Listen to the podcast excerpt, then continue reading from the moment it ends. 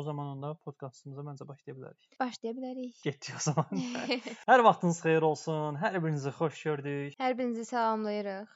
Oturmuşuq Tiflisdə. Ağlımıza əsdi ki, durub bir podkast səs yazısı eləyək. Və sizlərlə bölüşək. Deməli, bir balaca balkonumuz var. Gəlin sizə buranı təsvir edeyim. Biz hansı şəraitdəyik? Oturduq balkonda. Yenə nomad listə baxırdıq. Hara gedə bilərik, hansı ölkədən viza ala bilərik, nomad olaraq viza almağın şərtləri nədir və s. və s. Bu tip şeylərə baxırdıq. Müzəffər birdən dedi ki, mən podkast. Aha, o Müzəffər necə oldu dedi. Sən arxada mahnıya qulaq asırdın. Mən əvvəlki o keçmişdəki olan podkastım var. Orada həmişə nə edirdim? Əvvəl, orta, axırına mahnı qoyurdum. Bu qəşəng mahnılar qabağıma çıxanda həmişə şey eləyirdim. Ha, bu falan bölümdə ortada qoyaram, bunu falan bölümdə. Sən də bir mahnıya qulaq asırdın. Qəşəng mahnı gəldi. Xoşum gəldi. Tiflis yağışı. Hə. Aha.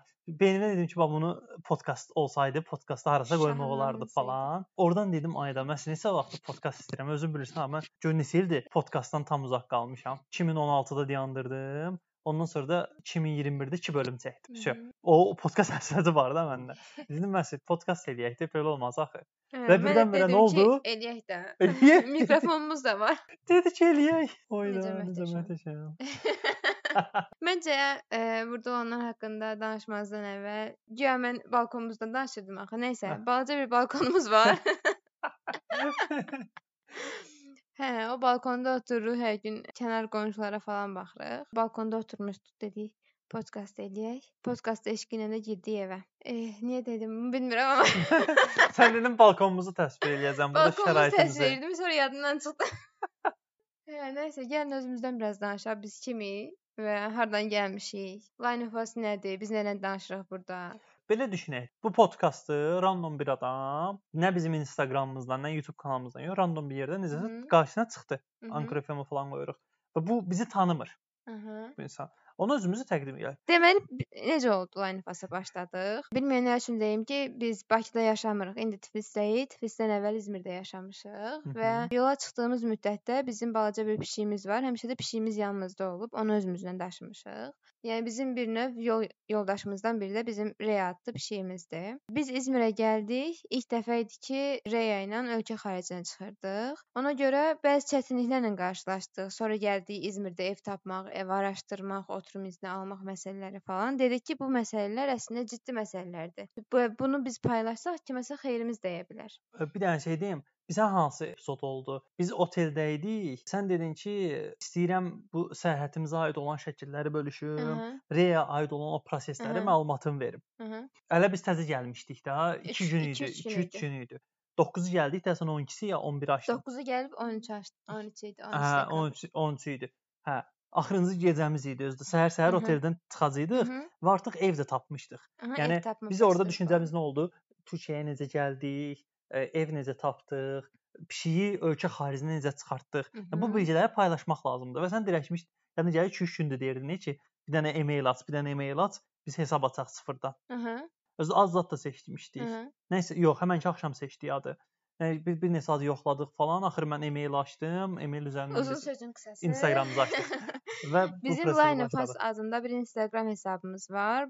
İzmirdən başlayaraq Reya ilə çıxdığımız yol, hansı sənədlər, necə gəldi, ev tapma prosesi, yaşam, orada etdiklərimiz, getdiyimiz turlar, maraqlı yerlər və s. və s. və s. haqqında orada postlar paylaşırıq. Bundan əlavə də YouTube-da videolarımız var. Düzdür azdır, amma var da az da olsa. Hə, belə biz, yəni Line of Us-ın iki üzvü, bir də evdə olan Reya adlı pişiyimiz. Çıxmışıq yollara, düşmüşük küçələrə. Səsən mənim e, düşüncəm bilsən nədir? Podkastda qulaq asan, avtobusda, işə gedərkən, dərsə gedərkən taxır qulaqçını qulaq asır. Və bu adam nə bizim YouTube videolarımıza baxmaq istəmir, nə oturub Instagramımızda eşmək istəmir. Okay də yavaş-yavaş danışacağıq. Hə, yəni biz onları da bu adama Aha, çatdırmalıyıq, bu çatdırmalıyıq, adamlara, bu bəli. insanlara çatdırmalıyıq ki, o bilgiləri də burdan yiyələnmiş olsunlar. Düzdür, səthi olacaq. Hər detalına girməyəcəyik. Hı hı. Çünki detallı məlumat almaq istəyən və həqiqətən ölkə xaricinə öz ev heyvanı ilə çıxmaq istəyən ya da hansı ölkədə gedib ev tapmaq, ev kirayə eləmək istəyən o tip şeylər daha detallı yanaşır. Hər detalına qədər axtarır, tapır. Demək ki, buna podkastdan qulaq asan biri onun üçün maraqlıdır, amma ehtiyacı yoxdur bu bilgilərə. Ona görə daha səthi olacaq məncə. Həm də podkastda qulaq asmaq çox vaxt nə olur? Yoldayam, mahnıya qulaq asmaq ürəyimdən keçmir. Nəyəsə qulaq asım, arxada həm başım qaçsın, həm yol maraqlı olsun, həm də az da olsa nəsə fayda versin tipində.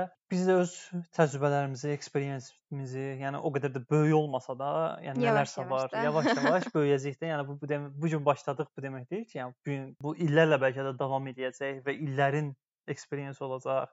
Yəni siz 3 ildən sonra atıram bu podkastda qarşılaşanda artıq bu başlanğıcımızdır bizim Siz deməyək, biz özümüz oturub buna qulaq asaq deyəcəyik, ay Allah, heç nə bilmirdik, oturub podkast hazırlayırdıq, Danışırdıq. ki, güya bizim təcrübəmiz var, güya da. Güya da, amma onda ucu olmuş olacaq da. Onda ucu olmuş olacaq, Hə indikinə gülərək qulaq asacağıq da, deyəcək, ay Allah, utanc verici, bunlar nədir belə danışmışıq İlk bölümləri silək zat.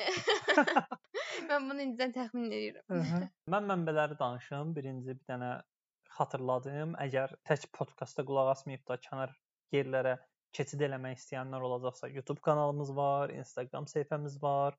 Instagram səhifəmizin dublikatı, belə deyim də, dublikatı olaraq Facebook səhifəmiz var. Çünki avtomatik Instagram Aha. Facebook eləyirik. Avtomatik qoşmuşam onu. Aha. E, Bir də mən Instagramda lazım olanları seçirəm. Ehtiyac halında da ekstra 1-2 xırda informasiya eləyib, düzəliş eləyib bloqa qoyuram. Və bir də bloqumuz var. Hətta bloqa birbaşa girəndə bütün hamısının ilk səhifədə linkləri görərsiniz, daha rahat olur keçidlər. Bu podkastı isə hardan dinləyirsiniz ya da başqa hardan dinləyə bilərsiniz, onu indi deyə bilməyəcəm. Növbəti bölümdə deyəcəm.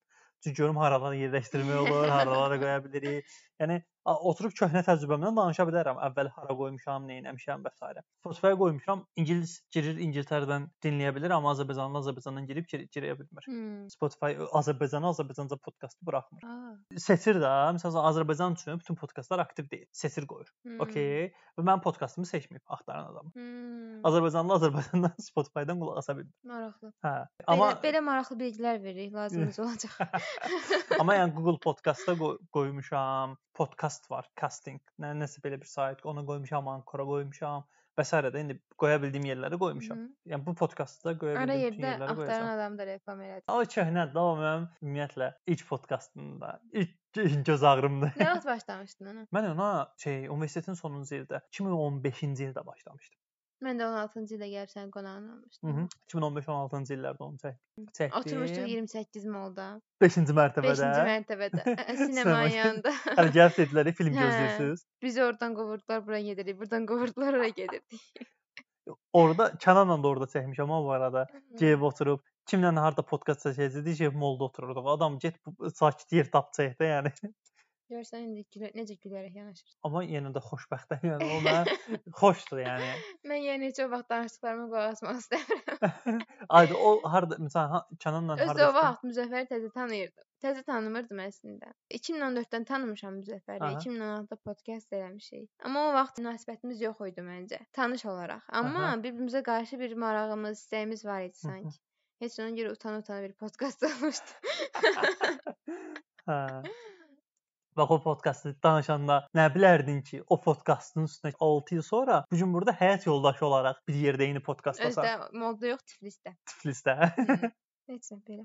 Və bu romantik anlarda keçdiyimiz üçün Başqa nədən danışaq bəs? Elə bu. yox, bu uzun bölüm olmalıdır. Yollar uzundur. Başının tıxaclarını bilirsən ki, 1 saat çəkir. Nə 1 saat? Mən 3 saatımı verirəm. A bu arada mən ümumiyyətlə podkastla ilk dəfə necə tanış oldum onu danışmaq istəyirəm. Hı O hı. ürəyimdə qaldı, onu bölüşmək istəyirəm. Demək IB Club eşitmisiniz? Eşitmisiniz IB Club? Demək bir dəfə Facebookda gəzirdim 2014, 13 xatırlamıram da. Bəlkə də 2012-ci il. Yox, 1-ci Hı hı. kursda deyildim. 2-də ya da 3də idim. Facebookda gəzəndə bir post çıxdı qabağıma. IB Club necə ingilis dilinizi yaxşı inkişaf elətdirə bilərsiniz? Birinci bənd bu, ikinci bənd bu, üçüncü bənd podkast. Podkastlar dinləyin, yolda, avtobusda, zətdə maraqlı olacaq. İngiliscə qulağınız listening eləmiş olacaq. Dedim, "A, o nə olan şeydir?" Hələ eşitməmişdim. Girdim podkast yazdım. Podkast Addict deyə bir application çıxdı. Hələ işlədirəm. Hə. Super applicationdır. Hə, nəysə. sırayır. Onu onu açdım. Aha gördüm nə qəşəng. Maraqlı şeylər var. Girdim özü bilsən ilk dinlədiyim podkast hansı oldu? Nə? Tevfik Uyarın Açıq Bilim Hə. podkastı. Başladım ona qulaq asmağa. Tevfik Uyarla, ayda oğlan adı Özan idi, Özan nəsə o oğlan idi. Çox mırt idilər də. Yəni bilimdən danışırdılar, amma o qədər zarafatla, o qədər şən danışırdılar ki, başladım ancaq ona qulaq. Gecə-gündüz o podkastlara qulaq asdım. Hı -hı. Sonra başqa podkastlar da da. Orda Tevfik Qıyarı kəşf elədim. Adamın kitablarını aldım, oxudum, həyatına baxdım. Bir növ onda mənim Tevfik Qıyar kumirimə çevrildi. Nəyinə idealına? Kumir, Azərbaycanca kumir deyilir də. Kumir mən Azərbaycanca eşitməmişəm. İdeal var. Bu sənin idealın olur. Yox, ideal deyil də. Kumir şey gedir. Influencer kimi. Ona baxırsan, o elədiyini eləmək istəyirsən. Qəhrəmanın olur o sənin beynində və sən ona baxırsan, o nə etdi, onu eləmək istəyirsən. Hə, mən də ona baxdım, mən də kitab yazmağa, hekayə yazmağa çalışdım. Ona baxdım, mən də podkast aparmağa çalışdım. Onun nəşriyyatı kitabı var idi, mən də nələrsə eləməyə çalışdım. Utopiyanı da ona görə açmışdım. Onun jurnalı var idi, mən də jurnallaşmağa çalışdım. Belə bu proseslərdən sonra mən podkastla tanış oldum, podkast dünyasına girdim və 2015-ci ildə qərar aldım ki, öz podkastımı yayınlayacağam. Yaxşı. Bura qədər nə nədən danışacağıq, nə edəcəyik dedik. Çox sistemsiz gedirik. Sistemsiz gedir. Bir Ağdamdan danışır, bir Qaradağdan. Cə bu podkastın nə olacağı, insanları dinləyənlərə nə qazandıracağının haqqında danışaq. Dediyimiz kimi, Instagramda paylaşdığımız və paylaşacağımız postlar, lazımlı məlumatlar haqqında məlumat verməyə, ümumi oturub dostcasına söhbət eləmək, bəlkə də sizə bu dinləmək daha xoş olacaq və ya YouTube-da çəkdiyimiz videolar haqqında qısa məlumatlar vermək Detalına girməsək də, ən azından bunlar haqqında qısa da olsa məlumat verib proseduru sizə izah edəcəyik. Belə, başqa da bölüşəcəyik. Bir dənə şey deyim. Birincisi, bax indi bu, burada vəziyyət nədir? Mən bol-bol danışacağam nə bölüşəcəyik. Yəni mən sən kimi 30 saniyə sıxışdırmayacağam. Uzundur, ürəyim doludur. Danışmaq istəyirəm. Videolarda kəsirdim mən ki, video qısa olsun. Burada elə şey yoxdur. Ancaq danışacağam. Danış. Demək, e, birincisi dinləyən üçün ilk ağlına suallar bunlar kimdir ki, danışırlar? Hmm. O onu təmin eləməliyik ki, bax biz Mən deyim də kimsə. bir təcrübəmiz danışmağı sevən bir adam. Oturub burada sizinlə hər şeydən danışa bilər. hətta o informativ olsun deyə dəli kimi araşdıra da bilər, eləyə də Hmm. bilər. Birinci özümüzü normal şəkildə təqdim eləyək. Hə, orada Özümüz. qalmışdın. Aha. Sonra səhifəmiz haqqında danışıb, sonra bu podkastda nə verəcəyimiz haqqında danışaq. Okay, özümüzdən başlayaq. Başda. Müzəffər kimdir? Nəçidir, nə iş görür və s. Özünü təqdim elə özünü. Birinci Müzəffər təqdim. Müzəffəri tanıyırsınız. Tanımaq üçün ilk Müzəffər haqqında almalı olduğumuz bilgi Müzəffər Mənsurun həyat yoldaşıdır. Hı İlk hı. bilgi budur. Yəni bu, bu, bu bilinməlidir. Çox İlk, dəyərli. ən əsası. Çünki yəni bir atasıdır. Rihanna ailə sahibidir. Ailə başçısıdır. Ailə başçısı. ailə başçısıdır. Noməddir. Nomadədir. Noməddə digital noməddir daha doğrusu. Noməd köçəri, Hı -hı. yəni bir ərazisi olmayan e, digital köçəridir. Yəni Rəqəmsal köç. uzaqdan işləyir və bu uzaqdan işlədiyi üçün də fərqli-fərqli ölkələrdə yaşaya bilir. Yəni işini uzaqdan idarə edə Aha. bilir. Fərqli ölkədə işi də- yaşamağına da ehtiyac yoxdur. İstəsən bu Aha. istəkdir sadəcə. Aha. İşi də mobil proqramlaşdırmada sırf Android, sırf native olaraq o haqqda bilgisi olanlar da detala girmiş olur. Bu Kotlin Java. Aha. Aha. Sonra Başqa? başqa keçmişdə 3 kitab müəllifi olub. İndi də, yəni keçmişdə dediyim, indi də davam edir. 4-cü kitabımı yazıram. Aha. E, Bundan Kitablar başqa Şizofrenik Satürn, Narda nələri? M66, M66. 4-cü kitabın adını deməyəcəm. E, mən burada deyim. Şizofrenik Satürn və Narda nələrini elektron formada tapıb oxuya bilərsiniz əgər oxumaq istəyənlər varsa. M66 isə elektron formada yoxdur. Amma bunu 3 məntəqədən Bakumos, Safçı bu kafa. Səhafçı Book Cafe, bir də Kitab evindən əldə edə bilərsiniz. Yox, kitab almaq istəmirsinizsə, o zaman bloqunun adı Muzafferus. Muzafferus.com bu arada yazarlıq adım Muzafferusdur. Ümumiyyətlə bütün sosial şəbəkələrdə mən öz profilim Muzafferus deyir. Aha, oradan ə, yazıb E, elektron formasını istəyə bilərsiniz. İstəyə bilərsiniz, mən PDF-ini göndərə bilərəm. Aha, belə. Aha. Başqa E, kimsə Başqa hansı sahələrə barmaq qoyursan? Utopiya elektron jurnalının əsas komanda heyətindəyəm. İdeya müəllifi. İdeya müəllifində idim və 3 O da buraxılışım olub. Issue, issue var ya bu blog aha. Jurnalların paylaşdığı sayt. Ora girib Utopiya yazsaz çıxacaq. Oradan da istəsəz açıb oxuya bilərsiniz free. Sonra başqa nə etmişəm? Axtaran adam podkastının sahibi olmuşam. Axtaran adam dedik. Sonra nə deyək? Sonra mən əlavə eləyim də Mənim haqqımda. sənin haqqında. Hə, Müzəffər əslində biraz özünün xarakteristik xüsusiyyətlərindən danışam, sonra kim olduğundan keçək. Çox yemək istəyən, yeməkdə həmişə yemək acgözü olan, yemək görəndə acan, ac Yeməkdən olmasa zövq alan. belə yemək yemək istəyən, yeməyə aid hər şey. Adam yemək üçün yaradılıb da sanki. Nəysə, sözümüz o deyil. Kökələ-kökələ də gedirik. Biraz ə, tənbəl, oturaq həyat yaşamaq istəyən, öz alanı, şəxsi boş sahəsi, sahəsi olmasını istəyən, İstəyən. Bir tipdir. Yəni ona qatılıram, ona etiraz edə Yəni bilmirəm. istəyir ki, böyük kompüteri falan olsun, qəşəng kreslosu stolu zadı belə mühiti də, oynasın falan. lövhəsi zadı, qeyd dəftər zadı qoya biləcək, yer zadı belə komfortu. Eybi yox.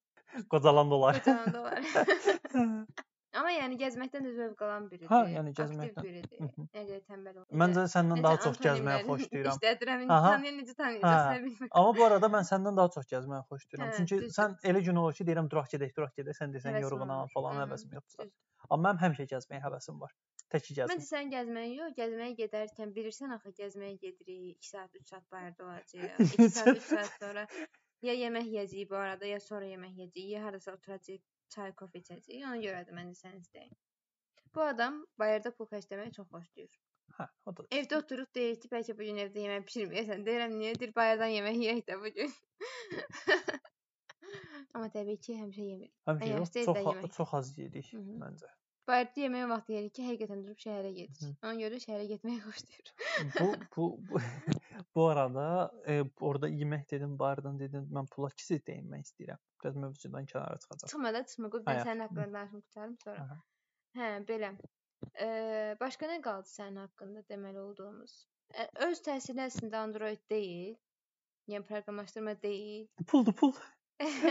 İqtisadiyyat oxumuşam, amma iqtisadiyyat oxumamışam da. İqtisadiyyat nəzdində, belə deyim, Neft Akademiyasının İqtisadiyyat fakültəsində sənayenin təşkil və idarə edilməsi oxumuşam. Yəni burada e, neft sahəsində də biliklər əldə etmişəm və idarə etmə sahəsində də biliklər əldə etmişəm. Bir ara mən hətta HR HR olmaq istəyirdim. Hə, Oturub. HR-lıq kitabları zad oxuyurdum yəni. Ki HR, Mən HR olacağam falan. Hətta Xaricdə maraqlanırdı. nə isə Hətta bu arada banka girməmişdən əvvəl bilirsən nə olmuşdu? Bir neçə yerə HR, bir neçə yerdə proqramist kimi baş vurmuşdum, Android developer kimi. Hansı tutar ona gedərəm yəni. Və heç biri tutmadı, banka getdim. intern olaraq. Intern olaraq banka getdim. Bankda işlədim şey kimi, 1 ay yarım intern kimi, nə kredit, idi? kredit mütəxəssisi kimi ki 2 ayın tamamında imtahan verib kiçik kredit mütəxəssisi olacaqdım, amma çıxdım. Pul dalınca getdim. Hara? Topaz. Topaza getdim. Topazda kassir oldum. Cəmaət deyiblər topaz oynamağa Ay getmisən. oynama, oynamayın. Mən orada 2 6 ay işlədim və necə insanların həqiqətən bədbəxt olduğunu gördüm. Yəni bədbəxtliyə düçar olduğunu da, yəni gələn hamı bədbəxt mənasında yox. Ora gəlib və zamanla hər şeylərini itirib bədbəxt olublar tipində. Təəssüf. Təəssüf ki, hə. Topazda işlədim, maaş qazandım, yığdım, sonra onun da başını buraxdım, getdim kursa, proqramlaşdırma öyrəndim Mhm. falan. Sonra da iş belə. İndi developeram və bölüşməyi, paylaşmağı sevən Başqa biriyəm. nə demək istəyirsən özün haqqında? Sən nə deyərsən? Şəxsi xüsusiyyətləri haqqında dedin, tənbəldir, yeməyi xoşlayır, gəzməyi xoşlayır, pul Amma xərcləməyi çox xoşlayır. şirin uşaq. Çox sağ ol. bir də tərifləməyi çox O xoşlayır. heç. O Bütün gün də danışmaz. hə, danışmaqdan ötürü ölürəm. Bu arada məndən soruşsan ki, remote işləmək yoxsa ofis işləmək, nə Sən deyərəm? ofis işləyərsən. Aha. Niyə? Çünki iş yoldaşlarla danışmaq. Aha. Ay, o işte ölürəm də. Yəni bax mən hər hansı bir bankda işləyən zaman olan yoldaşlarımın birindən rastlaşsaz, soruşsaz ki, Müzəffər çox danışırdı ya, çox gəzirdi falan. Ofisdə dururdum, bir-bir hamının yanına gedirdim, hamı ilə söhbət edirdim. Bütün ofisi gəzirdim də, yəni. Yerimdə oturamırdım. Bütün ofisi həm gəzirdim, həm də hamı ilə bir-bir söhbət edirdim. Pizza partilərimiz olurdu. Pizza partilərində bilsən nə edirdim? Random bir dənə uşağı, tanıdığım uşağın birinə deyirdim ki, gəl bura. Getdik davay. Random tanımadığımız bir 2-3 nəfərin yanına gedirdik. Salam. Bu partinin məqsədi tanış olmaqdır. Bank komanda bir-birini tanısın. Mən Müzəffər falan bölmədə Androidəm. Siz kimsiz? Hamı ilə bir-birinə tanış olurdu. Sonra keçirdim başqa qrupa, başqa qrupa. Yəni xoşum gəlirdi. Yadına gəlir? Can bəyin günündə random bir rəqəm seçdiniz və getdik onunla tanış oldum. Kimlə? Hə, hə, random. Hə, getdim 2 düzdür. sual verdim, qayıtdım. Hə, onu xoşlayıram mən. Aha, belə yeni şeylər öyrənməyi, yeni şeylər deneməyi xoşlayıram. E, texnologiyaya maraqlıyam. Oxuduğum kitab türü ya biznes Növü, yönümlü, tipi. kitab növü tipi, biznes yönümlü, şəxsi inkişaf, amma biznes yönümlü də, yəni maliyyə, zat, bəzən də şəxsi inkişaf, boş şəxsi inkişaf kitabları və Elmi ən çox da elmi fantastika. Aha. Elmi fantastik kitab, film, hər şeydə, yəni elmi fantastika. Bu arada ən bəyəndiyim serial 12 Dark. Meymun, Dark və The 100. Bu üçü, üçü də bilim kurgudur. Hə, belə. Müzəffər tanıdıq, məncə tanıdıq. Ay, 20 dəqiqə müzəffərdən danışırıq. Və gələk ta ta ta dam evimizin dünyalar gözəl. Oy Allah, kainatın ən gözəli. Romantik dəqiqələr. Hə, mən mən sürəm. Deyəcək bir şeyim yoxdur özüm haqqında. Mən biraz mənsur haqqında sizə məlumat verim. Mənsurə e, ibtidai sinif müəllimliyi Hə, təhsili yaxşı, alıb. özüm başlayıram. Hə. İbtidai sinif müəllimi kimi təhsil almışam Bakı Stadion Universitetini, sonra da Pedaqoji Universiteti bitirmişəm. Amma bitirmişəm demək ibtidai sinif müəllimiyəm demək deyil. Düzdür, ibtidai sinif müəllimi kimi bir neçə yerdə işləmişəm, bir neçə şagird hazırlamışam və s. və s. amma bunlar ibtidai sinif müəllimiyəm deməyimə əsas deyil. Çünki sonradan sahəmi dəyişmişəm. Hazırda qrafik dizaynındayam. O da ki, baxıb, yəni Müzəffərin yanına gəlmək üçün hiss eləyib ki, Müzəffər kim olmaq lazımdır. Müzəffər də iqtisadiyyat oxuyub sonra proqramlaşdırmaya keçib. Yəni o cəsarəti eləyib. Mən niyə eləməyim ki? Yəni deyərək özün tut cəsarəti görərək o da sahəsini dəyişib. Hə, 6 ildən sonra. 6 ildən sonra. Məncə bu qədər yəni. Hə, mən e, normalda freelance işlər götürürəm qrafik dizayner olaraq. Başqa mənsur haqqında deyə bilərəm ki, Başqa? gəzməyi sevir. Biraz Ə, tənbələm. yəni günlük yox da geniş mənada gəzməyi sevir. Hə, Yəni o da mənada- həyatını sevir, ölkə-ölkə. Düzdür. Yəni turist Hı hı. olaraq getməkdənsə nomad olaraq getməyə üstünlük verirəm. Çünki xərc olaraq daha az çıxır və daha rahat hiss edirsən özünü. Hı. Bu gün məsələn deyək Tiflisə gəlmişəm 3 gün burada vaxtım varla. Bu gün Tiflisdəyəm və mənim burada 2 ay vaxtım var. Eyni şey deyil. Çünki özünü 3 ayda özünü necə rahat hiss edirsənsə 3 gündə o qədər rahat hiss eləmə, eləmirsən. Hə, nəysə belə. Nomad kimi gəzməyi sevir. Pişikləri sevirəm, heyvanları sevirəm. Aha. Şirniyyat bişirməyi və yaxud yemək bişirməyi sevir, amma bu demək deyil ki, hər gün gündə 5 dəfə yemək bişirir ya da şirniyyat Hə, bişirir. O Zövqünə düşəndə.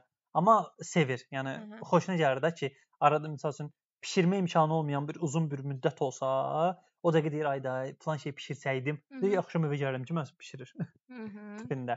Sonra təbiəti çox sevir, bitkiləri, Hə, torpağı, heç. yaşıllığı. Bu o qədər sevir ki, yəni ə, əkib becərməyə çox sevir, torpaqla Hə, nəsə bu oynamağı bu qədər. çox sevir. Hə, inan. Hə, belə, yəni çox özümdən çox danışmağı sevmirəm, amma özümə görə maraqlarım, istəklərim var və bunu özüm üçün yaşamağı çox istəyirəm. Bunu açıq şəkildə kimlə nəsə bölüşmək, kiməsə demək, hətta Müzəffərə belə ki, mən falan şeyi çox istəyirəm ya da falan şeydən çox xoşum gəlir. Yəni bunu kimlənsə bölüşmək istəmirəm. Hı. Yəni bu mənim istəyimsə, bir şeyə qarşı marağım varsa, bu mənim marağımdır.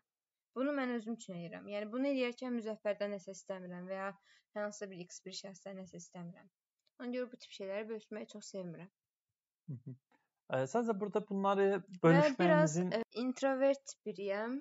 Daxilimdə düşündüklərim, yaşadıklarım, hiss etdiklərimi üzə vurmuram və vurmaq istəmirəm. Belə. çox gec vurursa. Çox gec-gec. Bəzən Ay, mən də belə ehtiyacı. bölüşmürsən. Danışmaq ehtiyacı yarananda. Hı -hı. Hə, mən tam əksi, danışma xəstəsi və ekstrovert. Mhm. Əks insan. Əks. E, elə yaxşıdır da. İki qoçun qo- başı bir, Bir qazanda qaynamır. Heç nə, bütün gün danışır, mən də qulaq asıram. Nəticə olaraq ortaya bu çıxır. Bir də bu arada mən məndə bir qəribə bir qəribəlik var. Qəribə bir qəribəlik var. Mən ekstrovertəm və çox danışan, çox insanlarla rahat ünsiyyətə girə bilən, amma e, çoxluqda ilk addımı heç vaxt ata bilmirəm. Çoxluqda çox utancağam. İlk dəfə girdiyim bir çoxluğa, yəni bir kruqa ilk dəfə girirəmsə, demək olar ki, bəlkə də ilk gün ümumiyyətlə danışmıram. Biz yaşımız haqqında məlumat vermədik. Tamam iş sahəmiz, nə işləyirik falan dedik, amma bəlkə də önəmli məsələ qaldı. Bizim təxmini 27-26 yaşımız var. Ee, birazdan 28 olacaq Müzəffərdə. O hələ çox var. hə, Reyanın da 2 yaşı olacaq. İndi 1 yaş 7 ay, Mənim- 6 aylıq. Məndən sonra vardı. da önce. Belə yəni, yaşımız da bu qədər. Məncə özümüz haqqında bütün məlumatları verdik. Line of Us-dan nə əldə edirlər bunlar? Dedik də, bayaqdan mən 30 saniyəyə sığışdırıb onu dedim nə əldə edirlər. Aha. Instagramda paylaşdıqlarımızı, bəlkə də ola bilsin Instagramda izləyirlər. Ekstra. Məsələn, Instagramda durub deyə bilmirsən ki, hə Müzəffər gəl falan falan falan şeylər edək. Amma bunu səssiz şəkildə bir-birimizlə danışaraq edə bilirik. Və əgər o insan da bizi dinləmək istəyirsə, podkast ona daha maraqlı olar. Nəinki durub quru-quru Instagram postumuzu oxumaq. Instagram sadəcə getdiyimiz, gəzdiyimiz və ya təcrübə etdiyimiz nəsə haqqında qısa məlumat verməkdir yazılı şəkildə.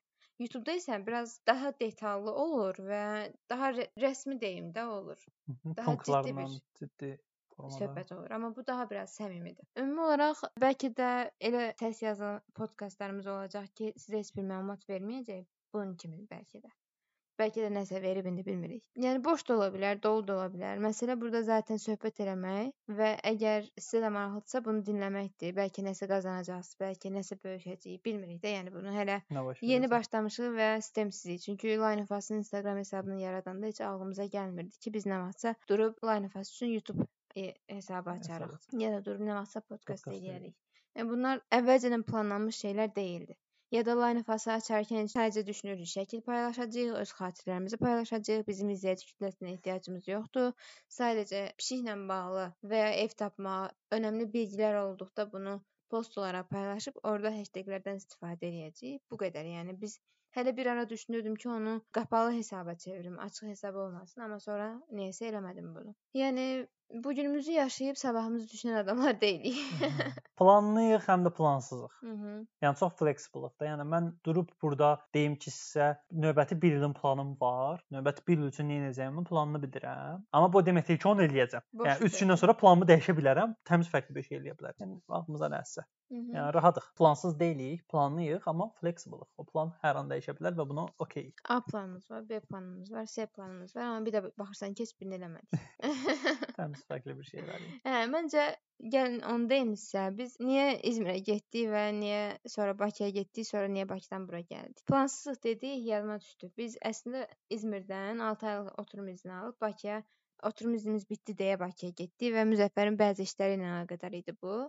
Bakıya gedəndə düşünürdük ki, biz Bakıya 1 illik gedirik, minimum 1 il Bakıda qalacağıq, biraz maaşımızı toplayacağıq, çünki X bir ölkəyə gedərkən bizə maddi olaraq e, büdcə lazım olur, az da olsa. Halbuki bizdə e, o o büdcə o qədər də deyil yəni yoxdur, yoxdur səviyyəsində də demək olar. Biz də deyirdik gedək Bakıya 1 il işləyək, işimiz olsun, nə bilim CV-də qeyd eləyək ki, filan yerdə filan qədər işləmişəm falan filan tipində. Hə, sonra nə oldu? Bir həftəyə qərar verdik ki, üstə Tiflisə gedirik.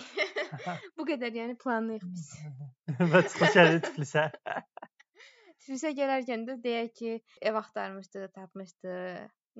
Planımız var idi, hardan enəcəyik. Onlar da yox idi. Bakıda otururuq, Tiflisə gedirik. Biletimizi aldıq sadəcə bir həftə əvvəl. O da sonra Tiflisə gəlməmişdən bir gün əvvəl, 1-2 gün əvvəl araşdırdıq, baxdıq ki, qiymətlər necədir, nədir. Burada da gəldik, oteldəykən evlərə müraciət edib ev tapdıq belə. Yəni planlı deyilik. Hər şeyimiz nöqtə-nöqtə ideal olsun şeyində qaçan adamlar deyilik, rahatıq. Çətin şəraitdə də yaşayırıq, dağınıq evdə də yaşaya bilirik, nə bilim, hosteldə də qala bilirik. Belə, private amma. Hə də, yəni public. Public. Moteldə yox da, hosteldə. Ucuz olan yerləri tərcih edirik, üstünlük veririk yəni. Yəni 2 ulduz, 3 ulduz yerlərdə qalırıq da, 4-5 ulduz Hə, yerdə qalmırıq. komfortumuz arxasınca qaçan tiplər deyilik. Müzəffər biraz arada komforta şey eləyir, yönəlir, deyir. Nə? Rahat evim olsun, rahat oturum, rahat işləyim. Sözdə deyirəm, yəni belə şey də eləmirəm axı ondan. Hı, eləmirsən. Arada deyir ki, gərək bir dəfə all inclusive oteli falan yoxlayaq. Hə, onu yoxlayaq da, o nə bilim, Arada nə bilim e, şeydir, nədir o, camping falan eləyək. Kamp eləyək, amma daha elit şəkildə də yəni. yoxsa kamp eləyirik də. Yoxsa kamp eləyirik. Düzdür? Eləmişik, gələcəkdə də eləyəcəyik. Amma bir dəfə kampinqi yoxlamaq lazımdır. Yəni o sən istəmərsən gecə Mən yatanda istəyirəm. Bir ev düşəndən tapmışdıq, nətər oldu ha bax. Pivə Baçokunun şeydi, içində bir yer idi. Amma şey var idi, yatağı var idi. Gürcüstandaydı. Hə, Hə, baxarıq. Bakıdaykən baxdıq özdən. Acaba baxarıq. Yaxşı yadıma saldım, baxarıq. Hə, Bir yer Baxarıq. tapmışdıq, balaca bir yer idi. Yəni hətta Reyanı burada qoyub, evdə qoyub 2 günlük də getmək olar ora. Hə. Reyana getmə məcburiyyətimiz yox. Bu həftə son gedək. Araşdıra baxaq görək o nə idi. Deməli belə bir yer idi. də, Balaca bir pivə boşqası olur. e. Pivədir Hə, o yoxsa? Hə, hə, pivə boçkası olur, amma onun böyük versiyasıdır. Yəni bir otaq boyutda versiyası. Hə. Bir pivə boşqasıdır. Yəni pivə boşqası dizaynındadır da. Əslində pivə boşqası deyil. Dizaynı Yəni odur. içində pivə olmayıb. Hə, hə, içində bir dənə yatağı var. 2 nəfərlikdir yoxsa 1 2 nəfərlikdir? nəfərlik. Hə, içində bir dənə 2 nəfərlik yatağı var. Başqa da heç bir şey yoxdur. Bir dənə də içərisində. stolu var. Stolu sıra Balaca. çıxardıb qoymuşdular. Aha, İçəridə qoya bilirsən, çöldə qoya bilirsən. aha. Yaşıllığın içindədir. Amma kənarında kənd evləri falan da var. Yəni hamam və tualet üçün kənd evlərinə gedə bilirsən. Yəqin ki, də orada var nəsə, Aha, o var, var. imkan var. Baxarıq da indi burada Amma yəni uzun müddətli yaşamaq üçün deyil dinləyicimizə sadəcə o məlumatı verim ki, Airbnb-yə girirsiniz. Ə, orada fərqli dizaynda yerlər var. Yəni normal otel və yaxud ev yox, fərqli dizayn olunmuş yerlər var. Ə, O bölmələrdə fərqli yerlər çıxır. Ora baxırsınız ki, hə biri nə bilim ə, maşın kimi bir yer düzəldib maşın içində da van. Azərbaycanda karavan düzəldib, karavanı kirayə verir, nə bilim biri çox fərqli dizaynda bir ev dizaynı ediblər, onu kirayə verir və s. Ya bu dediyimiz də bizə maraqlı gəlmişdi ki, yəni pivo podkastının içində qalırsa elə bir yəni maraqlı dizayn idi. Sonra e, üçbucaq evlər olur, ya, qapılar üçün. Məsələn, elə dizaynlı yerlər var. Türkiyədə Fethiyedə var idi. yəni. Onu deyirəm də, qəşəng şüşədən belə baxsan, qar yağır. Bakının özündə də var da, şey Bakı nədir? Azərbaycanda, hə. Yəni mən elə yerlərə getmək istəyirəm də, yəni Bahadır olsa da da. Hə məsələn. da, orada bir də bir gün gedirsən də qar yağan kimi. 2 gün qalırsan, çıxırsan. Azərbaycanda var elə yerlər, amma Qadavrı tərəfdə var idi. O gün qabağından keçəndə gördün sən onları. Ola bilər ki, görmədim. O da çox qəşəng idi. Şey idi, şüşədən idi üstü, amma top formasındaydı. Oyda, Yəni açıq idi də. Türkiyədə də var, dolu dolu. Fethiyə tərəfdə var. Ümumiyyətlə Fethiyədən əvvəl biz öz qaldığımız yerdə Alaçatıda üç bucaqlar var. Hə, Yumrulardan da Urlada dəsən bir dənə var. ayda. Belə maraqlı yerlər var. Nəysə, necə oldu gəldik bura çıxdıq bilmədim. Müzəffərin komfort sevməyindən Hə. gəldik. Gördünüz Mənsura məndən daha çox sevir o yerləri. Sənə bir sual verim. Yəni bu ilk dinləyicinin ilk ağlına gələcək sual olacaq. Abala, o boyda gəzmək baha deyil. Hə, maraqlı sual. Yəni başqa-başqa ölkələrdə gəzim, başqa-başqa yerlərdə qalım, yeməyimi çöldə yeyim bəzən. Hə, yemək çöldə yemək bahadır. Mhm. Buna qarşıyam. Buna qarşıyıq. Belə deyim də, bizim bir səhifədən oxuyub aldığımız bilgilər üzərində bir onun misalı daha yaxşı idi. Ratravel hələ Aha. Və yəni belə bir misal verirdi ki, sən Bakıda oturursan, həftədə bir dəfə dostlarla görüşməyə gedirsən, restoranlara pul xərcləyirsən, onunla günü bunun toyu, Düzdür. bunun qonaqlığı, bunun ev gördüsü, bunun uşaq gördüsü, ona hədiyyə, buna hədiyyə, bir də görsən ki, nə qədər pul getdi. Mhm. Yəni ayda biri olsa bunların bəs eləyir. və bol-bol da geyim. Hə, düzdür. Əsas məsələ bol-bol geyim. Sən bura gələndən neçə dəfə geyim almısan? Cəmi 2 dəfə köynək almışıq. Bir sənə, bir Bir mənə köynək almışıq. almışıq. vsyo. Bir də mən özümə ayaqqabı aldım ki, ayaqqabım narahat idi. Bahalı paltara da ehtiyacım yoxdur. Hə, amma düzdür, Bakıda bu ehtiyac idi. Sən yəni işə də getsən, nə bilim şəhərə gəzməyə də getsən, tanışınla görüşməyə də getsən, istəyirsən ki, yeni bir şey geyinəsən, çünki səndən Bakı bunu tələb eləyir. Çünki sənin Bakıda çoxlu tanışın var. İstəmirsən ki, o psixologiya o yeriyib sənə. İstəmirsən ki, dünən görüşdüyün o tanışının yanına bu gün də eyni geyimdə gedəsən. İstəyirsən bir dəyişiklik olsun, fərqli köynək geyinəsən. Ən azından köynəyin fərqli olsun. Ay, dediyim burada nədir? Hə, Bakı yəni bunu tələb eləyirdi. Çünki hı. ətrafa çıxırdım. Məsələn, dağınıq bir saç tipi ilə mən çıxa bilmirdim açığı Bakıda. Bilsəniz necə? Ətraf mənə elə bilirdim ki, mən ora yadam, hamı çox qəşəng görünür, mən çox pis görünürəm. Bax, e, ofisə gedirsən, hamı sərgəli geyinir. Hər gün fərqli geyim geyinir. Mhm. Sən özünü pis hiss eləyirsən axı. Sən hər şey hər dəfə eyni şey geyindikcə. Yəni varındısa geyinməyə çalışırsan. Yoxunsa da almağa çalışırsan. Yoxunca da almağa çalışırsan. Hə, ona görə Hə. daha çox pul xərcləyirsən. Aha, yəni burada geyim xərcdir. Bir də ki, geyimdə çalışırsan ki, keyfiyyətli mal alasan, bu uzun müddət geyinəsən. Düzdürmü? Yox, məncə o deyil. İstəyirsən geyinəndə Marka mal olsun. Marka mal olsun. mal olsun. Aha. Hə. E, İzmirdən çıxarkən biz gördük ki, bizə çoxlu yük lazım deyil.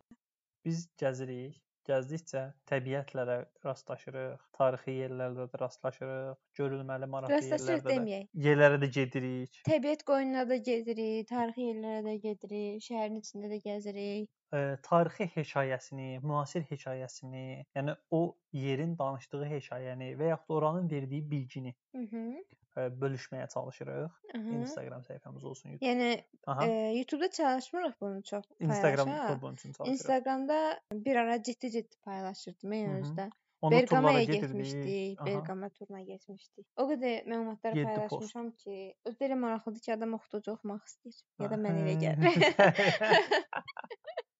Hə. Hə. Yəni bu tip bilgi paylaşırıq. Bundan əvvəl əlavə də YouTube-da da maksimum şeyə fokuslanacağıq, fokuslanmışıq. Yəni belə də e, experience paylaşmağa. Experience-i yazıya çevirə bildiyimiz qədər Instagramda da paylaşırıq, bloqda da paylaşırıq, amma danışmaq daha rahatdır da, daha Mhm. uzun danışa bilirsən deyə YouTube bunun üçün daha əlverişli. Podkast isə ən qəşəngidir. İstədiyin kimi Hə, danışırsan. İstədiyin kimi geniş-geniş detallı danışa bilirsən. Yəni burada tək tarixi yer ya da təbiət qoynundakı hadisələrdən danışmayacağıq. Yəni e, demək istədiyim tip olaraq e, experience bölüşməyə çalışırıq. Aynı bir şey 7 maddəlik e, Gürcüstanı salamlama postu hazırlamışam. Yəni kim eşidirəm Gürcüstana gəlir, kopyalayıb onu atıram onu yəni. Ki məlumat olsun, bir qısaca beynində Tiflis haqqında bir şey yaransın ki, nə etməlidir. Amma bura şey deyil ha. Tiflisin əhalisi nətər əhalidir, Tiflisdə yaşam xərcləri nə qədərdir, falan tipində ya da təbiəti, tarixi binası, gəzməli yeri tipində deyil. Bu ilkin gəliş məlumatlarıdır. Gələrkən hava limanına necə çıxım, sağa dönüm ya sola dönüm. Hava limanında e, nömrəni hardan alacağam, internet necə əlaqə saxlayacağam, taksini hardan tapacağam, Hı -hı. E, valyutası nədir, hal-hazırda dəyişəni nədir, e, bu tip kart ala bilərəmmi, avtobus metro qiyməti nədir? Bu tipdə yəni o həyati gələndəki ilkin lazımi Ehtiyacı olan məlumatlar. Deyim. Hə, yəni bu tip şeylərə də mən mən üstünlük verirəm bu tip bilgiləri paylaşmağa. E, önəmli olan e, zaten təcrübə paylaşmaq ki, sən zaman ayırırsan, o zamanla bir təcrübə əldə edirsən, sonra o təcrübəni paylaşırsan və qarşındakı o zamanı udmuş olur. Sən ayırdığın o nə 3 gün ayırmısan, 3 həftə ayırmısan, 3 ay ayırmısan, o zamanı qazanmış olur artıq o. İndi mən bir şey deyim. Sən öz paylaşdığını dedin, mən də öz paylaşdığımı demək de, istəyirəm. De, de, de, mütləq. Dünən möhtəşəm bir böyük post hazırlamışıq. Tək mən eləməmişəm, bir yerdə eləmişik. Portuqaliyaya nomend olaraq getmək. Nomend olaraq getmək deməyim. Portuqaliyaya getmək. D7 vizası. Portuqaliyada gedib uzun müddət yaşamaq, ömürlük yaşam icazəsi almaq və ya dil imtahanını verərək vətəndaşlıq almaq. Detallarına çox girmişik, izah eləmişik. İstəyən şəxslər Instagram hesabımızdan baxa bilər buna və ya bəlkə bu yaxınlarda onu bloqumuza da köçürərik. Hə, köçürəcəm mən. Aha. Öncə bu podkastı dinləyəndə köçürmüş olacağam. Hə, belə. Yəni əslində kiçik kimi görünsə də, çox ciddi və bəlkə də köməyinizə gələ biləcək məlumatları paylaşırıq. E, izləmirsinizsə izləməyinizi və oxumağınızı tövsiyə edərdik Instagram hesabımızı. Çünki demək olar ki, hər gün, hər gün olmasa da bir gündən bir orada nəsə bir post paylaşılır. Bəzisi çox maraqlı, bəzisi sizə görə bəlkə maraqsız, amma nəticə olaraq əmək sərf olunur buna. Bu arada mən bizim məqsədimiz bir növ Nomad həyatının necə gözəl olduğunu göstərmək. E, necə olduğunu, gözəlliyi necə olduğunu yox. göstərməkdir. Hı -hı. Niyə? Çünki insanlar bilsin ki, nomad deyilən bir həyat, e, digital nomad deyilən bir həyat staylı da var. Hı -hı. Yaşanıla bilər, mümkündür bu belə bir şey. Çünki çox insanın bəlkə də arzusudur dünyanı gəzmək, amma işindən qopa bilmir, maddi vəsaiti çatmır. Nomad tam bunun üçündür. Yavaş-yavaş gəzirsən, işini görə-görə gəzirsən, amma gəzirsən. Nomadin mənə görə traveldan ən böyük üstünlüyü backpacker demirəm, travel deyirəm hansı ki 11 ay işləyirsən, 1 aylıq məzuniyyət götürüb harasa gedib gəzib gəlirsən. 1 həftə 10 gün. 1 həftə 10 gün. Orda daha çox xərcin çıxır, burada daha az xərc çıxır. İkincisi orada qaça-qaça nə gördüm, nə öyrəndim, nə etdim. Odur, bitdi. Hı -hı. Amma bunu yavaş-yavaş, yaşaya-yaşaya dadını çıxarda çıxarda. O ab-havaya girə bilmirsən, Hı -hı. şəhəri tanıya bilmirsən, insanlarını tanıya bilmirsən. İzmirə gələndə necə oldu? Biz bir həftəlik İzmirə getdik. Səhər də qaçırdıq, günorta da qaçırdıq, axşam da qaçırdıq ki, maraqlı nəsə yerə gedək, daha daha çox yer görək.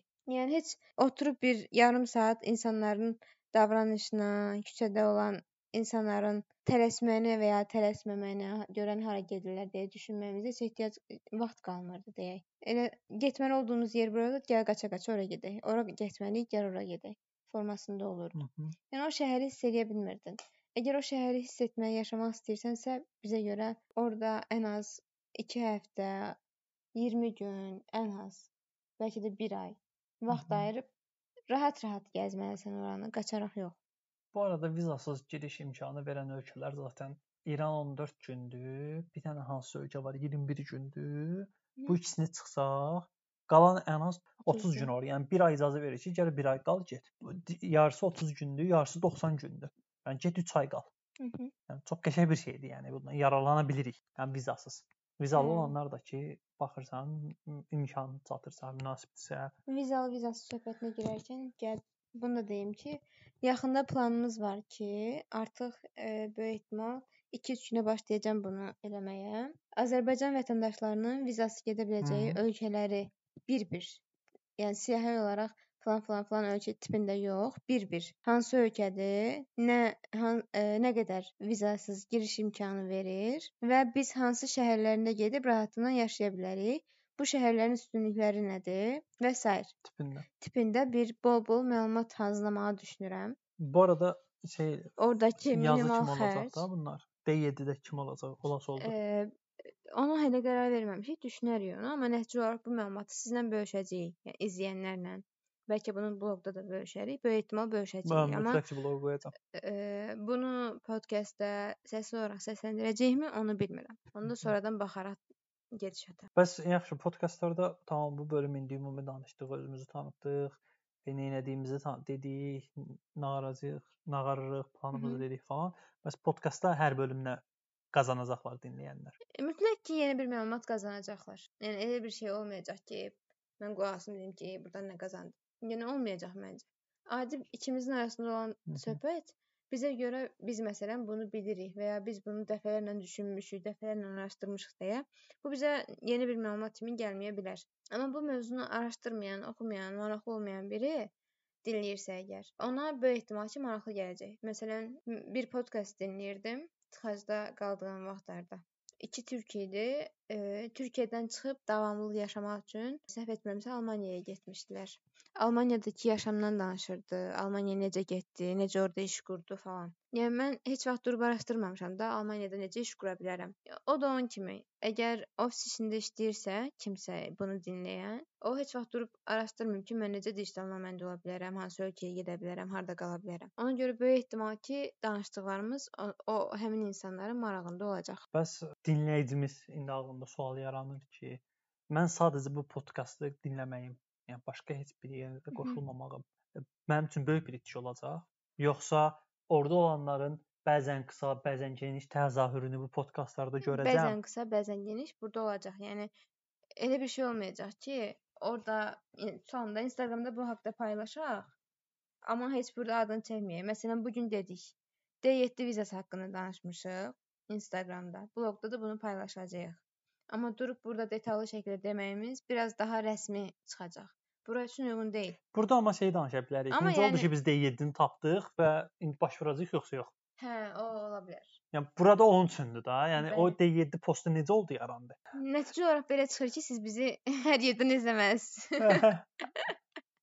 Həyatımızdan geniş bir bilgi almaq üçün hər üç yerdən. bizə baxmalısınız ki, biz nə edirik, necə yaşayırıq, məqsədimiz Hı. nədir? D7-ni paylaşmışıq. D7 nədir, necə əldə edilir, kimlərə aid edilir və s. Bunu Instagram hesabımızdan izləyə bilərsiniz, baxa bilərsiniz. Bəlkə yəni sizə də bu faydalı olacaq. Bəlkə ölkədən köçmək istəyən, yeni bir şəhərdə və ya ölkədə həyatına sıfırdan başlamaq istəyən insanlar var ki, həmin o D7-dən yararlanmaq onlara daha xoş olacaq. Ona görə Instagram hesabımızı izləyə və bloqumuza baxa bilərlər. Biz D7-ni necə axtardıq, tapdıq. Demək, o D7-dən əvvəl məncə Nomandin saytını necə tapdığımızı deməliyik. Hə, necə tapdıq? E, bir dəfə sən nəsə axtarırdın, Hı. hansısa ölkə ya da şəhər gördün. Hı. Mən atdım ki, bu səfər buna bax. Hı. Bu şəhərin məlumatlarına baxdıq. Baxdım ki, Nomad list deyilən bir veb saytdandır. Hı. Sonra bir-iki məlumata baxdıq. Sayt dedi ki, ödəniş lazımdır. Hı. Ki, detala girənmirik. Məsələn, bu bizə maraqlı gəldi. O arada da zaten Nomad nədir, rəqəmsal Nomad nədir Hı -hı. artıq bir öyrənmişdik. Kimə gəlir. Amma Şeydən. qeyd edim Bunu ki, şeydən öyrəndik. 44 ölkəlik siyahı. aha. Nomad Girl adında bir sayt var. İlk dəfə oradan 47, gördük. 47, artıq 47-yə qalx. Aha. Nomad vizası verən 47 ölkə var. Siyahıda həmin saytda paylaşılıb. İlk dəfə oradan bildik ki, Nomad deyilən bir şey var. Aha. Yəni İzmirə getməmişdən qabaq Nomad list nədir, Nomad nədir, onlardan xəbərimiz yox Aha. idi. Yəni İzmirdəykən biz axtarmırdıq. Hə, Nomad listi necə tapdın? Və orada nə Onu var? sən tapdın. Nomad listi sən tapdın. Hı, Saytı mənə həmişəki kimi. göndərdin, həmişə və mən göndərdim. Mən o sayta baxdım. Sonra gördüm sayt ödəniş istəyir və bizə artıq Nomad maraqlı idi. Mən təklif etdim ki, gəl bir dəfəlik ödəniş eləyib bu saytın abunəliyini alaq. Bol-bol geniş-geniş işlədək. Nomad listi istifadə etməyə başladıq abunəlik aldığımız üçün onun bütün funksiyaları bizə açıldı və mən orada bir məlumatla rastlaşdım ki, Nomad list təklif edir ki, Portuqaliya vizası var nomadlar üçün. Aha. Sonra elə oldu ki, mən sənə bu haqqda heç nə deməsəm də, sən özün də getdin o səhifəni tapdın. Mhm. Amma mən bunu digital nomaddan tapmadım məncə. Başqa yerdə qabağına çıxdı. Başqa yerdə qabağıma çıxdı Portuqaliya D7 vizası. vizası. Sonra bir-birimizə dedik ki, "A belə bir şey var. Mən Hı -hı. dedim Nomaddə görmüşəm. Sən dedim bir də araşdıraq." Hı. Biz başladıq bunu araşdırmağa. Gördük, hə, Araşdırmamız da baya-baya çəkdi amma. Uzun-uzun çəkdi. Yəni hər gün girdik, D7 nədir araşdırırıq. D7-yə kimlər baş vura bilər, nə qədər gəlirin olmalıdır, nə qədər bank hesabında pul olmalıdır falan. neçə Evet. sayt oxudum mən Hə. mənbədən zət nə qədər. Neçə gün araşdırdıq bunu. Hələ durduq. e, D7 üçün baş vurmağa kömək eləyən bir neçə şirkət Agentliyə, var idi, agentliklər ki, onlar səni yönləndirir, prosedurları idarə etməyə kömək edirlər. Onlara belə mail yazırıq ki, bizə kömək eləsin, necə başvuru edə bilərik və ya hansı şərtlərimiz olmalıdır. Bizim orada yazılanlardan biraz fərqli idi bizim şərtimiz ki, bizim durumumuz oradakı şərtlərlə tam üst-üstə düşmürdü. Bunları yazıb soruşduq. Onlar da sağ olsun hələ də cavab verməyiblər, amma onların cavabını gözləmədən biz bu fikirdən daşındıq. daşındıq. Ümumiyyətlə bizim ə, fikrimiz bir ölkəyə gedib, uzun illər orada yaşayıb, oranın vətəndaşlığını almaq, Mhm. yəni vətəndaşlıq almaq deməyək, ömürlük oturum izni almaq, Aha.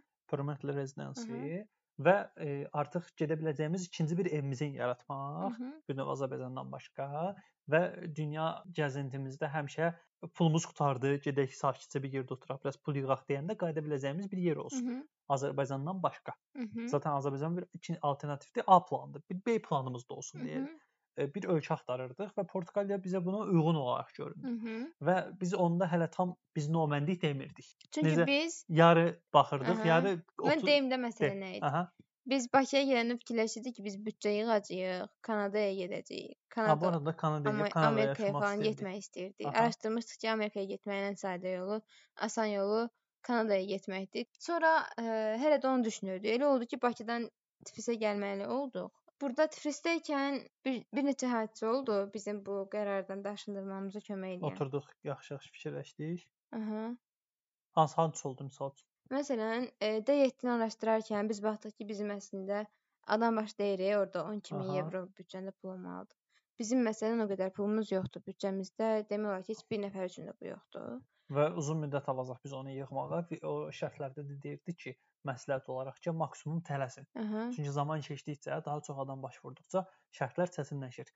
Yəni belə deyim. Yəni bu gün bir nəfər üçün bank hesabında 12000 olmalıdırsa, sabah bir nəfər üçün 24000 də tələb edə bilər. Və yaxud 12000 tələb ola 24000 olanları götürəcək, Aha. 12000-i götürməyəcək, gecikdirəcək. Hə, biz də baxdıq ki, nəsə biz bu şərtləri, bu şərti təmin tam əhatə eləyə bilmirik də. Bizim buna gücümüz yoxdur. Bu maddi vəsaiti göstərmək kimi bir imkanımız yoxdur. Ona görə dedik ki, gəl özümüzü zülmə salmayaq. Bu gün yaşayırıqsa, bu gün varıqsa, gəl bu günü yaşayaq. Yəni bir il sonra mən durub Portuqaliya vizasına başvuru eləyəcəm. Bəlkə bir il sonradan mənə cavab gələcək ki, hə, sənin vizan istəyin qəbul oldu, sən dur gəl Bu Portuqaliyaya. arada 3 aya, 6 aya cavab gəlir. Sonra durub gedəcəyik Portuqaliyaya, sonra başlayacağıq orada oturum izni məsələlərinə ev tapmaq, sonra bir yerdə ev tapacağıq, sonra gəl Altı orada il. 6 il qal, 6 ildə kirayə sürünməyəcəksən yəqin ki, bir ev almaq istəyəcəksən. Gəl indi ev almaq üçün maddi İpotekaya gir, nə bilim maddi vəziyyətini qıs ki, ev alasan, ol, hə. ə, evdəki ən yaxşı vəziyyətdə 10 ilə başı bağlanacaq da bir növ krediti falanı filanı. Yəni 10 il orada qal, 10 ildən sonra hə indi çıxım gəzim. Aha. Biz Ey. ki, bunu tərsini eləyək. Yəni bu haqda düşündük və gördük ki, yox, biz indi Portuqaliyaya getmək Əslində bunu bunu bizə şey deyən, bu fikrə gəlməyimizə səbəb olan ə, bir neçə şey oldu. Biri də Bakumuzun rəhbəri Nurəddinin ə, yol qəzası keçirməyi idi. Düşün biz düşünürdük ki, ə, durub D7-yə müraciət eləyəcəyik, pul yığacağıq. Olsun da bir il əziyyət çəkəcəyik. Bir il heç hara getməyəcəyik. Elə Tiflisdə qalıb, Tiflisdən çıxıb başqa bir yerə gedəcəyik. Ad olacaq ki, Tiflisə gəldik. Heç yeri görmədən, gəzmədən, yemədən, içmədən. Sonra çox bədbəxt bir hadisə ilə ə, xəbər eşitdik. Bildiyiniz kimi Bakumuzun rəhbəri Nurəddinin yol qəzası idi. Hadisə və həyatını itirmişdi. Ə, Halbuki biz onu çox yaxından tanıyırdıq deyə bilərik. Və onun ölümü bizə başa saldı ki, sən, yəni sənin bu gün yaşayırsan, bu o demək deyil ki, sən qarşıdakı 10 ildə yaşayacaqsan. Bu gün əgər həyatdasansa, bu o demək deyil ki, hə, 5 il sonra hardasa ömürlük yaşam icazəsi alasan deyə 5 ilini qurban verməlisən. Bəlkə 2 il gedəndən sonra heç ə, olmayacaqsan da, yəni o düşündüyün planlarını yerinə yetirə bilməyəcəksən. Onda nəyə görə bu günümüzü qurban veririk? tipində düşündük və e, hardasa ömürlük oturum icazəsi almaq, bəlkə də vətəndaşlıq almaq, bu tip şeylərdən vaz keçdik. Ən az 10 il sonra Ən ertələdik. az e, 10 il deməyim, 5 il sonraya. Yəni Hı -hı. bu gün enerjimiz varsa, istəyimiz varsa, az da olsa maddi qazancımız varsa Və və bunu sağlamlığımız düşündüyümüz kimi yerindədirsə, Aha. və bu gün təmin edə biliriksə bunu, ondansa 5 il köçəri olaq. 5 ildən sonra hardasa oturmaq üçün bir yer, bir şey düşünərik. Uzaqbaşı ən pis halda Azərbaycana qayıdacağıq və Zaqatalaya bütün- gedəcəyik də. Hər dəfə deyirəm gedək Zaqatalada yaşayaq. bütün tibbi xid- xidmətlərimizi orada qarşılamış olacağıq. Aha. Yəni məsələ e, qocalana qədər gəz, qocalandan sonra bir yerdə oturarsan. qocalmaq deməyim, özünü qoca hiss eləyənə qədər. Çünki 2 il sonra elə bir problem çıxa bilər ki, gəzmək istəməzsən, sağlamlığın gəzməyinə əl verməz, məcbur bir yerdə oturmalı olarsan. Amma bu gün o şərait varsa, sağlamlığın buna icazə verirsə, bu gün gəz. Və zaten qarantidir ki, 35-dən sonra yavaş-yavaş qocalmağa başlayasan. Zaten gənclikdən çıxırsan və bir yerdən sonra bir yerdən sonra da Ənisə yer çatır. 40-dan sonra da zaten ağrılar, problemlər şəkildə başlayır. Hı. Yəni həmin qocalanda 65 yaşımda gəzəcəm, küçə-küçə gəzəcəm deyirsənsə Hı. bu olmayacaq. Məsələn, İzmirdə olanda bir e, izləyicilərimizdən biri yazırdı. Bizim Bakıya dönməyimizi paylaşmışdıq səhifədə. O xanım idimi, bəy idimi tam olaraq bilmirəm. Böyük ehtimal ki, o hesabı ailələri ilə istifadə edirdilər. Və bizə məsləhət görmüşdü ki, gedin e, hələ tezdir gəzmək. Gedin işinizi qurun. E, passiv gəlirinizi e, təmin eləyin. Hələ onsuz da gəncsiniz. Gedin bir işiniz olsun, gücünüz olsun.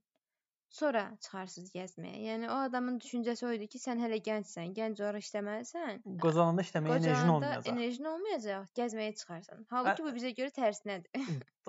Onun baxış açısından o da düzdür. Ona səhv deyə hə. bilmərəm. Yəni mən də düşünəndə düzdür. Yəni pulun olsun, qəşəng qazancın olsun, passiv gəlirin olsun, qurdun hər şeyi. Hı -hı. Ondan sonra get bütün dünyanı gəz, Hı. heç işləmə. aha, Yəni düz səslənir. Amma Amma bu o demək deyil ki, o yaşlı gəzə biləsən aha. ya da o yaşa qədər yaşayassan. Ya da qurduğun iş o qədər yaxşı olacaq ki, həqiqətən səni gəlir gətirə biləcək. Bu şey söhbətinə döndü. O hekayəni danışım. Danış. E, demək bir balıqçı gedir, balığını tutur. Nəsə bir şəhərdən gəlmiş bir bu kənddə, qəsəbədə yaşayır da balıqçı. E, şəhərdən gəlmiş biri görür ki, nəsə balıqçı balığını tutur falan. Deyir, "Nə edirsən?" Deyir, "Yaxşıyam, sağ ol." Deyir, "Nə işlə məşğul olursan?" Deyir, "Balıq tuturam." Deyir, "Bə norm keçimini necə edirsən?" Deyir, "Balıq tuturam, satıram. Ondan keçimimizi əldə edirəm. Axşamlar da gü- günortalar da istirahət edirəm. Axşamlar da çıxırıq kəndin mərkəzinə yığışırıq, qəsəbə mərkəzinə, dostlarımızla deyirik, güldük, yeyirik, içirik falan." Aha. Deyir, "Helləmə da sən. Sən yat, istirahət eləmə, sən daha çox balıq." Deyir, "Hə, nağarım ki." Deyir, "Daha çox balıq tut, daha çox sat, sonra təknəni şey bot bu qayıqını Hı. böyüt. Böyük Hə. qayıq tut, daha böyük balıqlar tut." Deyir, Hı hı. "Hə, sonra nağaracam." Deyir, "Sonra 2-3 dənə qayıq alasan, başqa işçilər tutasan." Deyir, "Hə, sonra deyir, yatmayasan, işləyəsən, əziyyət çəkəsən, böyüdüb bunu şirkətə çevirəsən." Deyir, "Hə, sonra nə olacaq?" Deyir, "Sonra sən şəhərin mərkəzində şəhərə gedəsən, çünki balıq satmaq üçün şəhər yaxşı. Orada şirkət qurasan, biznes qurasan, e, balıqların yığılıb gələcək, şəhər mərkəzində satılacaq. Deyir, hə, sonra nə olacaq? Sonra şirkətini böyüdəsən, qəşəng passiv gəlir əldə etməyə başlayasan, iş hər şey qaydasına düşəcək. Ondan sonra deyir, ondan sonra da gedib bir qəsəbədə ev alarsan, özün üçün ürəyin istəyəndə balıq tutarsan, ürəyin istəyəndə istirahət eləyərsən, ürəyin istəyəndə də kənddə uşaqlarla yığışarsan, deyib girib yeyirsən. Deyir, oyun deyirəm, dostlar, nəyimə lazımdır. bir də onun üçün 10 ilimi qurban verim. Düz deyir də. yəni hərənin bir baxış bucağı var və ha- hansısa biri səhvdir deyə bir şey yox. Yəni hər biri düzdür, amma əsas sənin nə istədiyindir. Nə istədiyin. Yəni bizə görə biz bu an e, bir yerdə oturmaq, ofis işinə getmək, yəni dəymir də onu eləmək. Aha. Yəni O onu eləyəndə də ondan zövq alacağıq. Ha vaxt onu eləyəcəyik. Mən mən zövq alacağam da, yəni. Aa. amma zamanımız bilsən necə keçir onda? Mhm. Sən- Günümüz belə gedir. İş, ev, iş, ev, həftə sonu bəlkə də hansısa rayona getmək, bəlkə də aha, o da ayda bir dəfə ancaq olur. Belə yəni. Başqa da heç bir şey eləmirik. Mhm. İndi amma hər həftə sonu gəzirik. İndi gəzməsək belə, ən azından fərqli bir, yəni Bakıda deyilsən, Azərbaycan daxilində demək olar ki, çox yerə getmisən də. Sənin üçün demirsən ki, "A, Lənkəranda belə bir yer var, ora getməmişəm, gəl gedək." Yəni o cümləni deyirsən heç? Yox. Harasa kamp görəndə deyirsən, hə bu kamp maraqlıdır, gedək. Harasa tur görəndə deyirsən ki, hə bu tur maraqlıdır, gedək.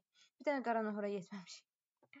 yəni biz bildiyimiz. Böyük ehtimal ki? Azərbaycanın çox qəşəng gəzilməli yerləri Sadəcə var. zır- Demək istədiyim, yəni Bakıda oturanda fikirləşsən ki, oy da, Tiflisdə belə bir şey var idi, orada olsaydım qoşulardım. Məsələn də indi. Mhm. Ya da İzmirdə belə bir şey var idi, orada olsaydım qoşulardım. Amma baxırsan ki, yəni hiss edirsən ki, sən olduğun mühitdə o şeyi eləyə bilmirsən və yaxud da eləyə bilərsən, amma eləmirsən. Tənbəllikdir. Deyək də sən ömür boyu Bakıdasan. A, Lənkəranda belə bir yer var. Gərək ora gedim. Amma nə vaxt? Onu tezləşdirmirsən. Gedərəm də ömrümün axırına qədər buradayam. Buradayam. Aha. Amma burada Tiflisdə olur. 3 ay burdasan, atıram 3 ayın var Mhm. və nə plan var? 3 ayın içində sıxışdırırsan.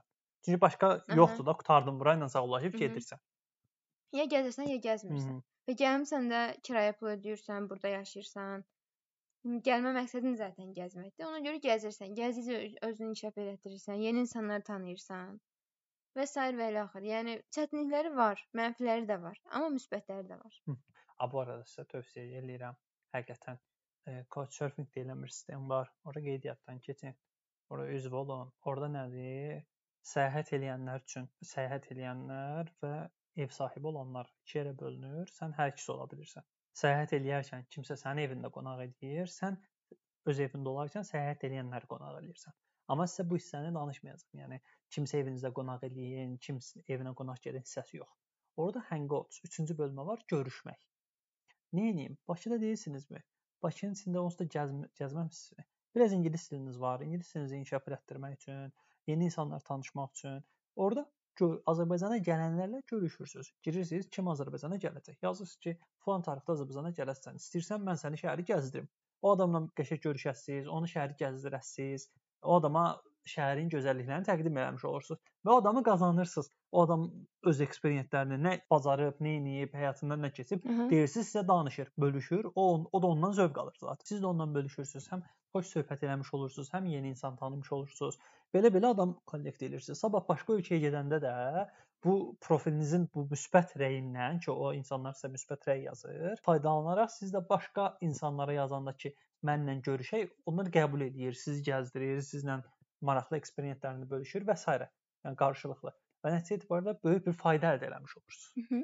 Yəni məncə bundan istifadə edin. Biz gec başladıq buna. Hı -hı. Amma yaxşı ki başladıq. Deyir zararın nerəsindən dönərsən kardır. Hı -hı. Əpizodu başlamışıq və yararlanırıq. Siz də yararlanın. Bu arada mənim profilimdə izləyin. Mən hə, etdiyimiz digər etdiyimiz digər aktivitetədə Tiflisdə otururuq, gələnlərlə görüşürük. Hı -hı. İmkanımız varsa və həmin vaxt bizə uyğundursa və ya gördüyümüz şəxs bizə daha təhlükəsiz, güvənli gəlirsə, onu evə qonaq dəvət edə bilərik ki, bir gecə, iki gecə qonaq otağımızda divanda yata bilsin ki, əgər o da bunu istəyirsə. Və elə olur ki, elə bizim görüşdüyümüz və ya evdə qonaq elədiyimiz adam Azərbaycana gedib səfər eləmək istəyir. Biz ona Azərbaycanda hara gedə bilərsən, hansı şəhəri, hə şəhərləri gəzə bilərsən, Bakıda hansı restoranlarda otura bilərsən, hansı hissələrini gəzə bilərsən və sair məlumat veririk. Onu ön bilgi veririk də deyə bilərik. Yəni hətta Kiçik bir məlumat. Bu arada biri yazmışdı Haron. Hı -hı, hı. Bizə ki, Filistəyəm, yoldaşımla gəlmişəm, oteldə qalacağam. Idi. Oteldə qalacağam. Yəni mənə yer lazım deyil. Sadəcə görüşək, sizlə söhbət eləyək. Bir də bundan sonra Azərbaycana gedəcəm. Mənə Azərbaycan haqqında məsləhətlər ver. Yəni biz adamla görüşdük, 2 saat oturduq, söhbət elədik, bütün bildiklərimizi onunla bölüşdük və məndən bir neçə dənə gedə biləcəyi yerlər haqqında soruşdu bizdən. Şifahi olaraq dedik və evə gəldik, list hazırladıq. Hətta ünvan olaraq, location olaraq da ona göndərdik ki, Bakıda hara gedə bilərsən, hansı restoranda otura bilərsən. Bundan əlavə bir də yazıb, Misirlidir, Instagramdan yazmışdı. Bizdən məsləhət istəyirdi. Bakıya gedəcəm, Bakıda haran gəzim? Azərbaycanda hara gedə bilərəm, hansı şəhərlərə gedə bilərəm tipində. Hə, onun üçün də o listi daha biraz geniş formasında, Haran üçün biraz daha small idi, kiçik hazırlamışdım. Hı -hı. Biraz daha tez olsun deyə. Amma bu Misirli olan üçün hələ oktyabrda gedəcək. Onun üçün geniş-geniş hazırlayıb hətta Instagramda qayıt hissəsində paylaşmağı düşünürəm. Bu arada, bu arada, e, bu arada Instagramda qayıt dedim, yadıma düşdü. Əgər İzmirə, Bursaya, Eskişehirə, məncə Eskişehirdə qeyd eləmişik. Eləm Kütahyəni Eskişehirdə qeyd eləmişik. Kütahyəni eləməmişəm, Kütahyada çox yer yox idi. E, Bursa və İzmiri qeyd eləmişik. İzmirdə İzmirə gələn 3 gündə haralara gedə bilər tipində bir qaydımız var bizim. İzmirdə birinci gün, ikinci gün, üçüncü gün. Yəni onları nəzər sala bilərsiniz. Özümüzün yoxladığımız, getdiyimiz, yeyib içdiyimiz ərazilərdir, məkanlardır. Ona görə əmin olduğunuz yerləri sizə tövsiyə eləmişik. Oradan baxıb getmək istədiyiniz zaman ora nəzər sala bilərsiniz və ya planınıza ordakı olan hansısa bir məkanı daxil edə bilərsiniz. Belə, qayıtdan haqqında da məlumat verdim. Yəni belə deyək də, çalışırıq ki, bizi dinləyən, bizə baxan, izləyən insan vaxtını boşa keçirmiş olmasın. Biz bu gün bayıra getdik, nə yedik tipində yox, filan şey yedik və filan qədər xərclədik və ya filan filan şey yedik, tərkibi filan idi, dadı yaxşı idi, sizə məsləhət görürük tipində bir şeylər olsun istəyirik. E, ən azından o da özünə nəsə götürə bilsin də, ona faydalı ola bilər nə, nələrdəsə və ya getdiyimiz yerlərin biz İzmirdəykən bu bu restoranlara getdik, burada bunları bunları yedik. Bunlar sizə məsləhətdir deyə biləcəyimiz bir şey. olsun Ya bunlar istəyirik. bunlar var. Təxmini qiymət bu- budur, büdcə budur. Yəni bilin ki, ora gedəndə nə tip fərqli şeylər dada bilərsiniz, nə məsləhətlidir, nə yaxşıdır, nə Maksimum faydalı olmağa çalışırıq. Yəni ümid edirəm ki, burada ən az oradakılar qədər faydalı olar, məlumat verər. Ümid edirəm ki, nəsə qazanmış olarsınız. Belə. Başqa deyə biləcəyin, demək istədiyin bir şey varmı? Couchsurfingdən danışdıq, qayıtlardan danışdıq, D7 vizasından danışdıq, niyə vaz keçdik ondan da danışdıq. Müzəffərin kitablarından danışdıq. Müzəffərin çox danışmağından danışdıq. Belə, bolca danışdıq məncə. Belə, dinlədiyiniz üçün çox sağ olun. Fikirləriniz maraqlı olar. Hansı platformadan dinləyirsinizsə, böyük ehtimal ki, rəy yazmağa imkanlar var. Yoxsa da birbaşa özümüzə yaza bilərsiniz Instagramdan, Facebookdan. Instagramımızı izləyə bilərsiniz və ya nəsə fikriniz, sualınız, təklifiniz, tərifləmək istəsəz və s. nə istəyirsiniz yaza bilərsiniz. Bu arada məsələ tərəfləməkdən getmir. Şeyi də gözləyirəm sizdən. Hə, bax bu bölmədə belə bir informasiya vermisiniz, o səhvdir. Hə, siz elə bilirsiniz, amma əslində səhvdir. Düzü budur deyə bir şey olsa, çəkinmədən rahatlıqla bunu İrad verin və ki, təkliflərinizi belə Aha, bildirə biz bilərsiniz. gələn dəfə onu bildirək ki, tamam da biz onu səhv bilirik, sizin sayənizdə düzünü öyrənmiş olaq və səhv yayırıq, başqaları səhv məlumatlandırır. Sizin sayənizdə o başqalarına da düzgün məlumatı çatdıraq. Yəni ondan çəkinməyin. Yəni ona həmişə açığıq. E, əsas odur, doğru, düzgün məlumat bölüşülsün e, və hamıya faydalı olsun. Belə. Təkliflərinizə də açığıq ki, yəni bu haqqda da danışın ya bu mövzu haqqında da araşdırın. Aha, ya da mən falan şeyi bilmək istəyirəm, zəhmət Ya- olmasa onu deyin bizə. Aha. Yəni açığı belə bir şey də ol- oldu, başımıza gəldi və mən ona çox sevindim. Bir nəfər xəbər tutdu ki, Tiflisdəyik, bizə göndərdi ki, bu mən Tiflis gəzəndə buralara getmişəm, burada da olmuşam, burada gedə bilərsiniz. Aha. Məsləhət verdi Aha, adam. izləyicilərimizdən Aha. biri idi. Və mən ona çox şad oldum. Yəni birləş Tiflisdəyik və onlar da bizə məsləhət atdı ki, burada Hı gedin. -hı. Gözəl. Yəni siz də əgər bizim olduğumuz yerə ya da növbəti gedəcəyimiz yerdə olmusunuzsa, ya da hər hansı bir yeni məlumatınız, eksperiyensiniz varsa, bizlə bölüşməyə çəkinməyin. Bu bizi çox şad edir. Aha. Belə. Dinlədiyiniz üçün çox sağ olun. Ümid edirəm səsimlə başınızı yormadım. Ümumiyyətlə həyat bir yolculuqdur. Siz bunu indi yol gedərkən də dinləsəz, ya da həyatın özündə olduğunuz üçün də, həyat yolculuğunda olur, olduğunuz üçün də, bu yolda olduğunuz zaman dinləsəz də yolunuz açıq olsun, uğurlu olsun, həmişə yolda olun, yəni həmişə aktiv olun, öyrənin, bölüşün və öyrətməkdə çəkinməyin. Özünüzə yaxşı baxın, sağ qalın, sağlıqla Növbəti qalın. bölümlərdə görüşənə qədər. Hələlik. sağ olun Sağ olun. Sağ olun. Və hələlikdir.